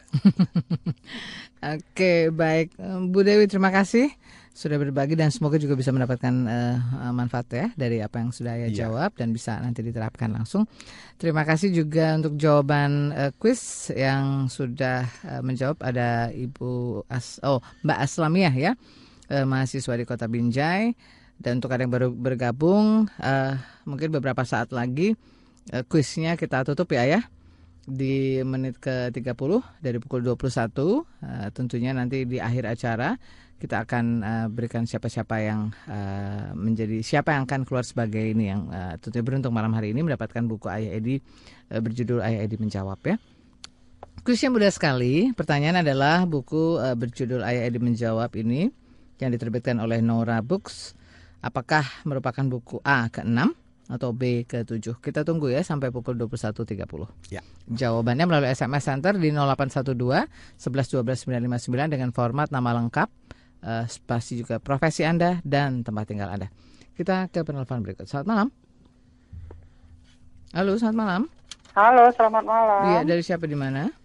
Dari Ibu Hayatun di Medan. Ibu Hayatun, silakan Ibu, bisa langsung Ibu. Iya. Ini dari logatnya selamat sudah jelas logat Medan ini.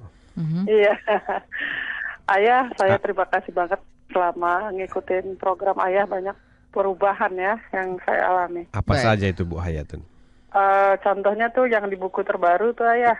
Yeah. Uh, apa namanya? Yang buku putih itu ya. Yang dari yeah. keluarga yeah. ya. Uh, kan seringan kita kalau ketemu anak tuh nanyain berapa apa namanya? PR ya? Berapa PR yeah.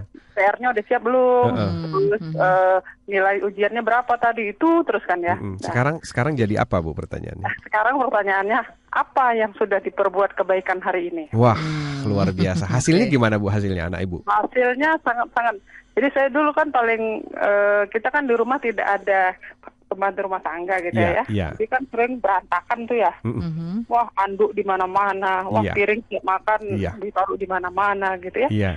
Terus sekarang uh, tiap malam saya mau tidur pasti nanya hari ini udah buat kebaikan apa? Mm-hmm. Wah dia kan harus mikirin. Betul buat betul. apa ya gitu. Yeah. Oh mak sudah jemur anduk tadi. Oh iya oh, iya. sudah cuci piring tadi. Gitu, wah luar gitu. biasa ya. Sangat membantu ya, sangat-sangat senang sekali saya gitu. Wah dahsyat hasilnya bu.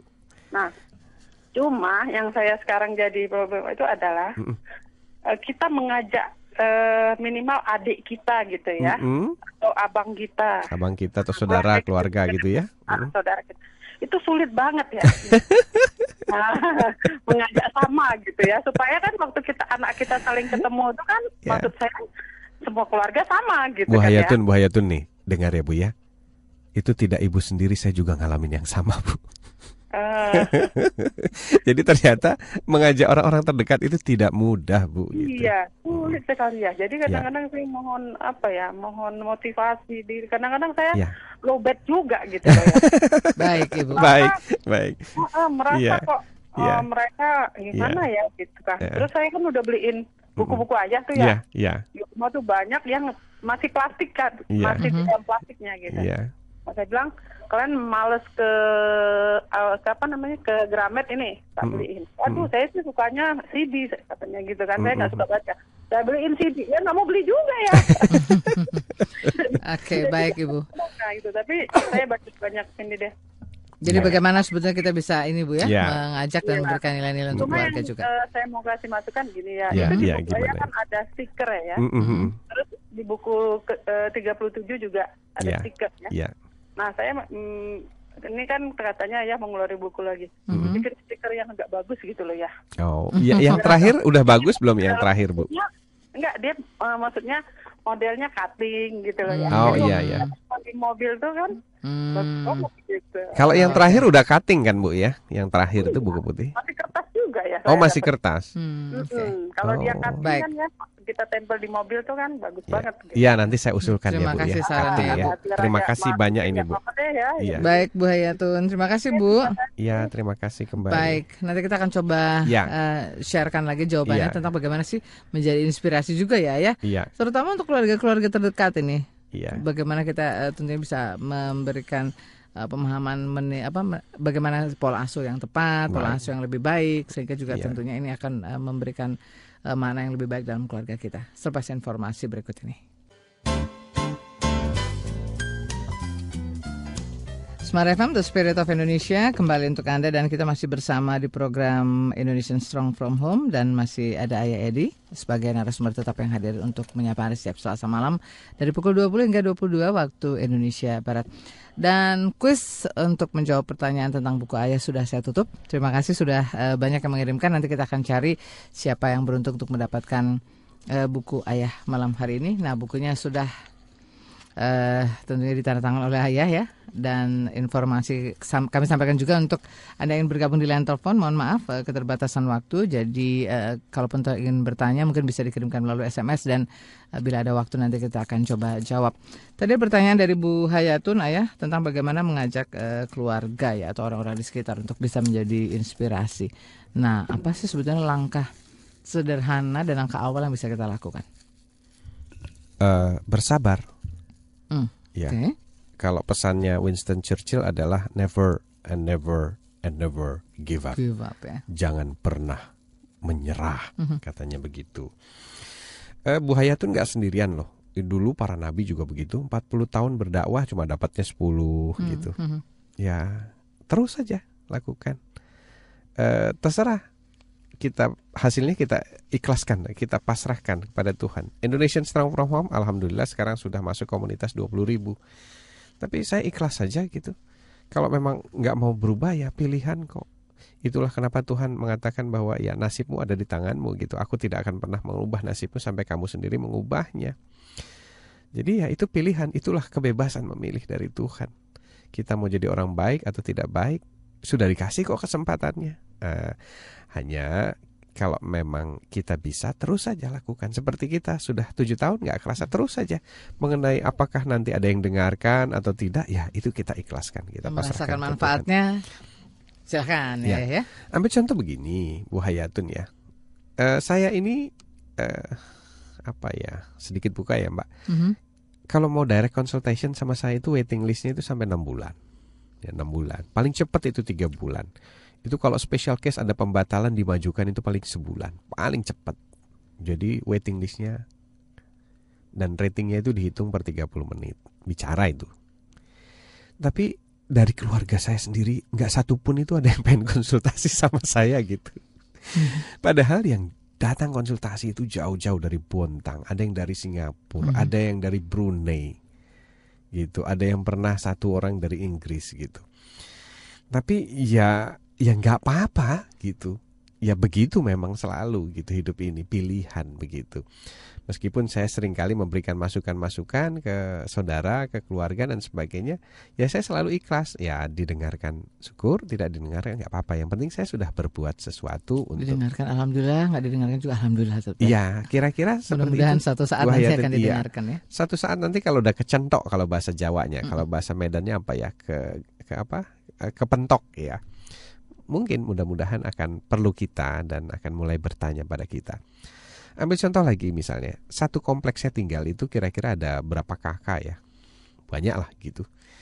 Tapi yang uh, aktif itu ya cuma Pak Joko itu yang kemarin jadi bintang tamu kita gitu, yang anaknya tiga-tiganya homeschooling dan mudah-mudahan insya Allah tiga-tiga anaknya jadi orang yang sangat luar biasa begitu uh, dengan pilihan Pak Joko dan uh, beliau bersedia mendengarkan kita sekeluarga tapi ya kembali lagi, saya nggak pernah sedih, nggak pernah uh, terbebani nggak apa-apa kok hidup ini pilihan. Jadi kalau satu komplek itu katakanlah saya cuma berhasil merangkul satu orang ya nggak apa-apa, alhamdulillah.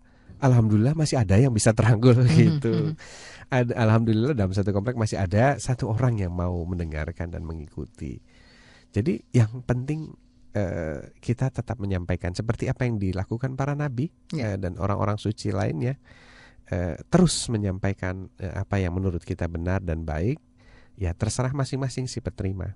Jadi jangan pedulikan siapa yang mau menerima dan berapa banyak, uh mhm. -huh. tapi pikirkanlah sudah seberapa banyak saya menyampaikan kepada orang lain. Oke, sudah seberapa banyak manfaat yang kita bisa bagikan ayah ya? Ya, kira-kira seperti Bu itu. Bu Hayatun, terima kasih. Sekarang saya mau kasih kesempatan Pak Rudi. Ini ada pertanyaan di SMS saya dari 0821 6820 dan seterusnya. Anak saya yang paling kecil umurnya 9 tahun ayah.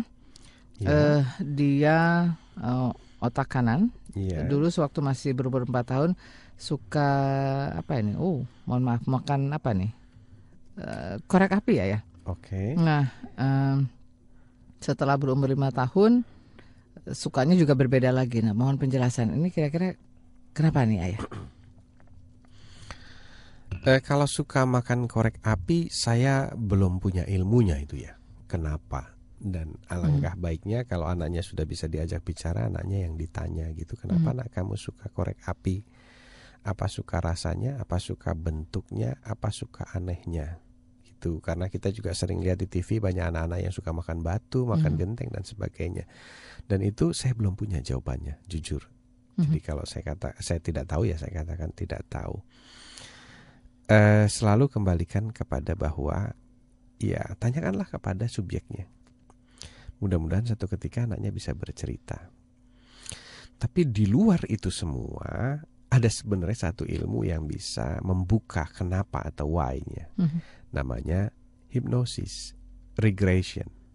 Hipnosis regression itu adalah yang membongkar alam bawah sadar anak sehingga seseorang itu terpicu punya kebiasaan melakukan itu. Tapi tidak semua orang mau melakukan hipnosis, tidak semua orang percaya. Jadi basis hipnosis baru bisa dilakukan jika orang tersebut percaya. Nah, kira-kira seperti itu. Nah, saya mempelajari ilmu yang orang percaya dan orang tidak percaya. Uh mhm. -huh. Gitu. Kenapa? Karena saya ingin seperti para ilmuwan, uh mhm. -huh. tidak dibatasi oleh hanya sebatas kepercayaan. Saya lebih menyukai apa yang saya alami, apa yang terbukti saya pernah lakukan atau berdasarkan experience. Jadi saya ingat ucapan uh, Sang Buddha Gautama yang mengatakan bahwa kamu jangan pernah mempercayai sesuatu atau tidak mempercayai sesuatu sebelum hmm. kamu mengalaminya sendiri. Oke, Pak Rudi terima kasih sudah eh, sharing dengan kita dan semoga juga mendapat manfaatnya. Saya lanjut lagi mau saya thank you dulu untuk yang sudah jawab kuis ya ya. Silakan Mbak Nancy. Uh, ada Bu Eka Kartika, guru TK di Bogor. Terima kasih jawabannya. Lalu juga terima kasih untuk Anissa, beliau profesinya terapis anak berkebutuhan khusus, ada di Beratang Gede Surabaya. Terima kasih Bu Nurul di Semarang, eh, beliau adalah pengusaha juga guru bimbingan belajar. Uh, beliau juga mendapatkan manfaat dari program Ayah Edi baik online di radio maupun juga buku-bukunya. Oh, terima kasih. Terima kasih Bu. Terima kasih juga untuk um, siapa ini ya? Oh, Pak Rodi ya di Kendal. Profesi beliau adalah pelukis. Uh, di Fable ayah. Lalu juga yang berikut terima kasih untuk uh, siapa ini? Uh, Ibu Nikan uh, Proborini, Ibu rumah tangga di Semarang. Terima kasih Bu Catherine, Ibu rumah tangga di Tebet. Dan saya juga punya pertanyaan lagi nih ayah di SMS. Sembari kita jawab juga ya. Ini um, dari 08533295 dan seterusnya. Ayah, saya ingin menjalankan program homeschooling pada anak saya. Nah, dari mana saya harus mulai belajar? Baik. Begini, Ibu. Kembali saya sampaikan bahwa nggak usah pusing-pusing kalau pengen homeschooling kan anak. Ajarkanlah aktivitas harian kita. Supaya dia tahu karena kan hidupnya dia juga nanti akan menjalankan aktivitas harian, menjalani hidup yang lebih kurang sama seperti kita menjalani hidup, hanya mungkin profesinya berbeda. sisanya akan lebih kurang sama. Dia akan menjadi seorang ayah atau dia akan menjadi seorang ibu. Dia akan punya keluarga, setiap hari dia akan bangun pagi. Nah, ajarkan itu, rutinitas dan sebagainya. Sampai hmm. dia menguasai betul. Nah, berikutnya karena mungkin saja profesinya berbeda, mm -hmm. jadi tugas kita adalah melakukan yang tadi namanya observasi. Yeah. Nah, observasi itu bisa dipelajari dengan cara ibu mengirim anak ke program observasi yang diselenggarakan di Cibubur Keranggan, kemudian ibu belajar di sana. Bagaimana sih cara mengobservasi anak supaya kita tahu ilmunya dan nanti kita bawa pulang kita lakukan itu di rumah dalam proses homeschooling. Mm -hmm. Nah, pada saat kita mengajarkan dua sisi, yang satu adalah ilmu kehidupan, sebagaimana kita sekarang menjalaninya setiap hari, mm -hmm. bagaimana bertetangga, itu diajarkan kepada anak, bagaimana menyambut tamu dan sebagainya. Sisanya adalah terus kita mengamati arah ketertarikan anak kita ke mana, secara bidang studi atau profesi. Mm -hmm. Kemudian kalau semakin jelas, semakin jelas dan semakin jelas, maka kita fasilitasi. Misalnya kita berikan kursus kita uji coba. Kemudian semakin jelas lagi, ya kita coba carikan sekolah khususnya. Jadi seperti Nia misalnya, dia menunjukkan potensi keunggulannya di nari, mm -hmm. maka saya minta orang tuanya waktu itu kelas 3 SMP untuk mencarikan sekolah tari terbaik di dunia. Mm -hmm. Jadi selalu harus terbaik di dunia.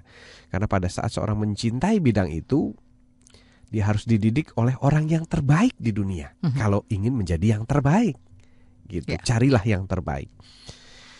Nah, setelah itu berlangsung maka nanti selesai satu ketika dia akan bertemu antara profesi terbaiknya dia dengan didikan kehidupan kita sehari-hari dan itu akan menjadi satu kompilasi yang luar biasa.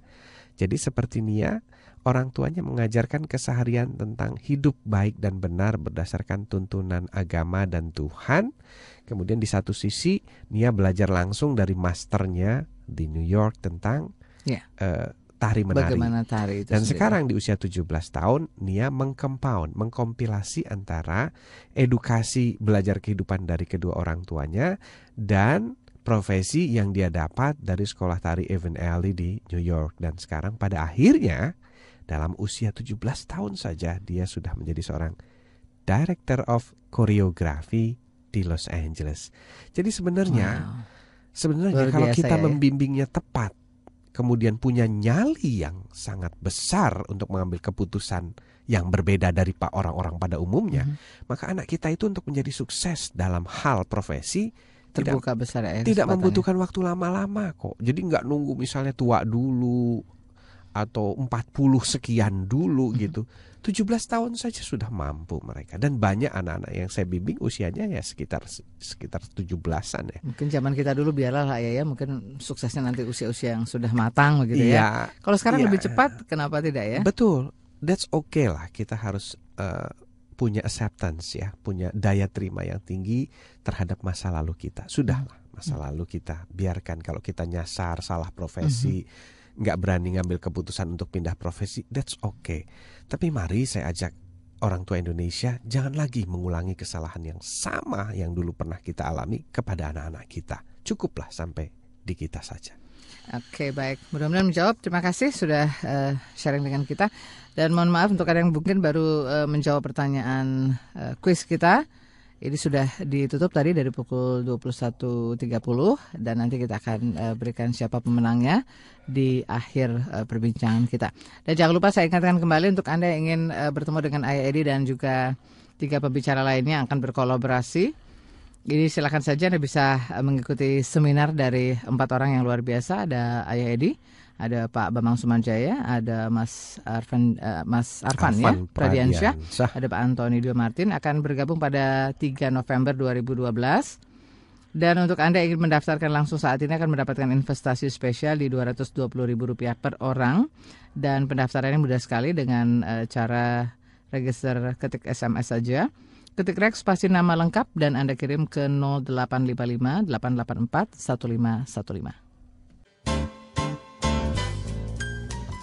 Kita masih bersama Ayah Edi dan tema kita memang hal yang menarik Ayah ya. Dan memang perlu satu ulasan khusus tentang bagaimana sih sebetulnya tipe-tipe anak dan uh, bagaimana memahaminya kita boleh memahami tipe anak tapi bukan berarti juga kita membiarkan ya bahwa mereka bisa berperilaku seenaknya atau sesuka hatinya ya ya tetap juga ada aturan atau batasan-batasannya. Persis. Nah, ayah setelah tadi kita mengetahui katakanlah secara sederhana melalui katakanlah mungkin tangisannya, lalu tertawanya atau mungkin uh, gerakannya Nah, itu yang sebaiknya mungkin mulai kita juga uh, pelajari dan uh, bagaimana kita mengarahkan mereka sehingga mereka juga tetap tahu bahwa itu semua juga tetap ada batasan-batasannya. Iya, uh, yang perlu kita pahami adalah bahwa uh, Tuhan itu maha adil.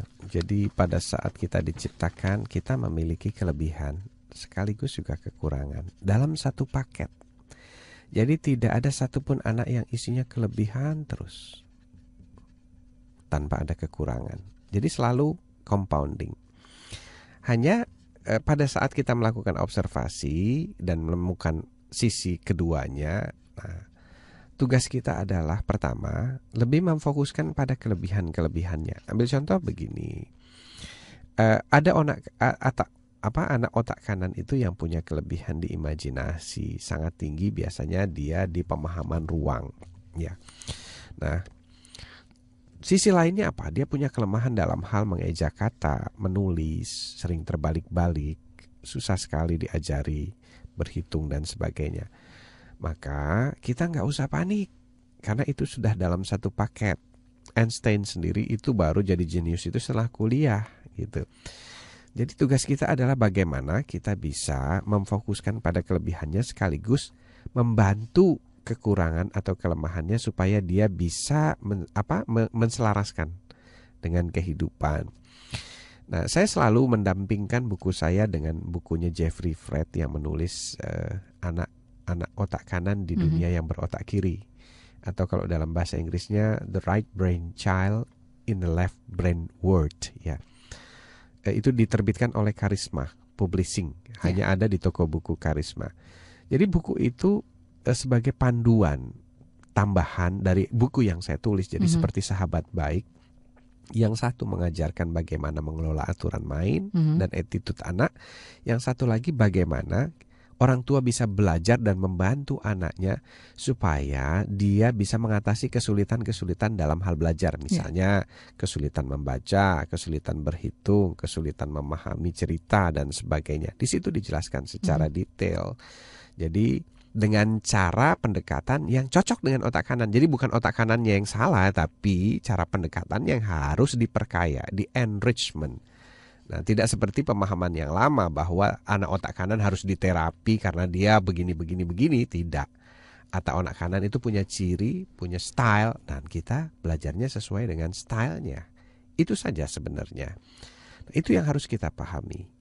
Pada saat kita bisa memahami anak uh, apa namanya yang bervariasi ini, maka anak itu akan berkembang sangat cepat sekali. Tapi jangan lupa, attitude-nya tetap harus diedukasi dan tetap harus dikelola. Dan buku kita yang akan kita hadiahkan ini adalah salah satu buku yang sangat-sangat uh, apa ya membantu. Mm -hmm. Ini komentar daripada para pembaca ya dalam proses tersebut Mbak Nancy. Oke, jadi itu poin penting ya dari apa yang kita ulas yes. malam hari ini. Saya masih punya kesempatan beberapa menit ke depan untuk uh, menyapa dan saya thank you untuk yang sudah mencoba untuk menjawab uh, kuis kita malam hari ini yaitu tentang uh, buku Ayah Edi menjawab. Ini uh, merupakan buku A ke-6 atau juga uh, ke B ke-7 dari yes. Ayah Edi.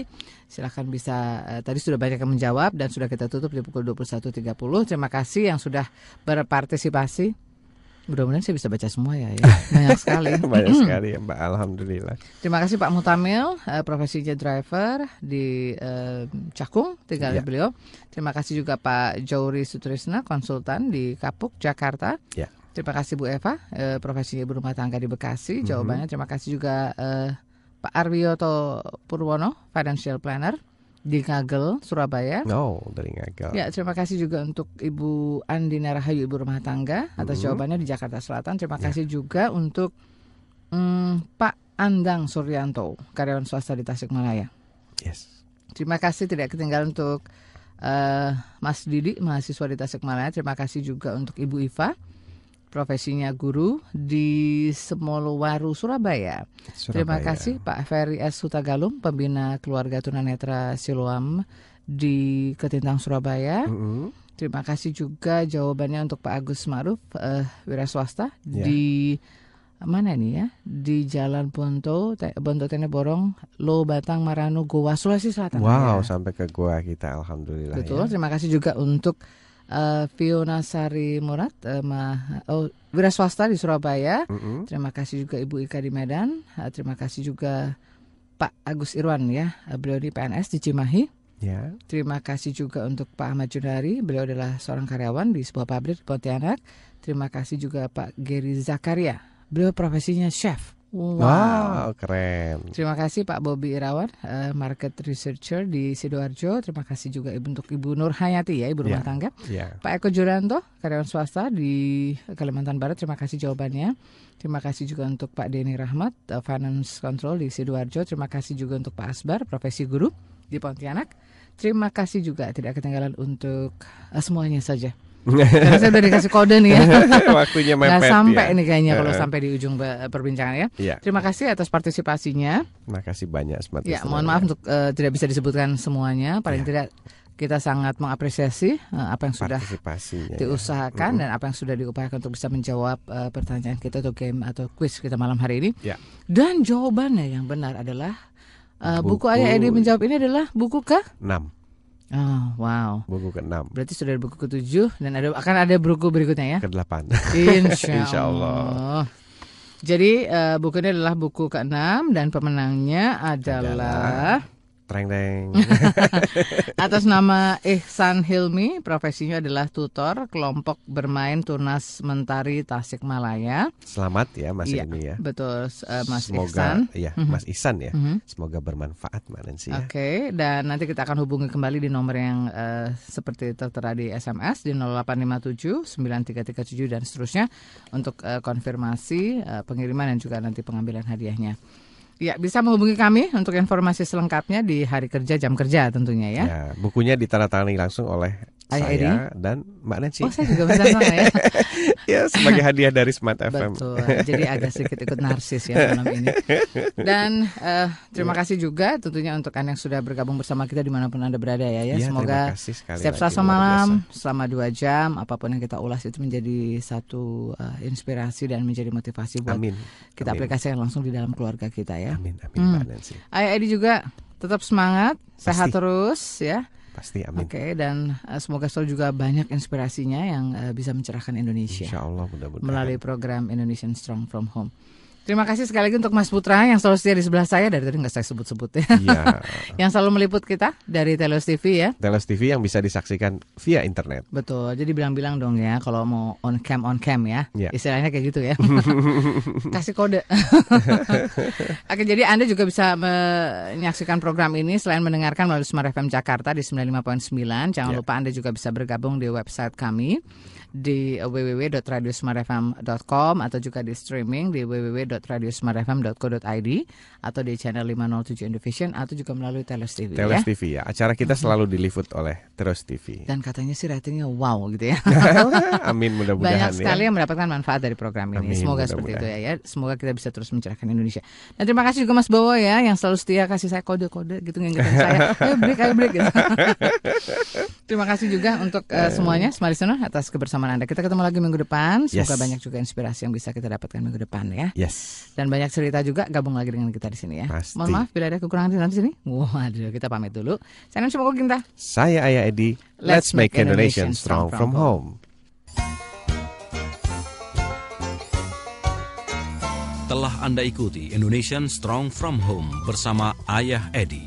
Untuk konsultasi dan seminar, hubungi 0816 182 2323.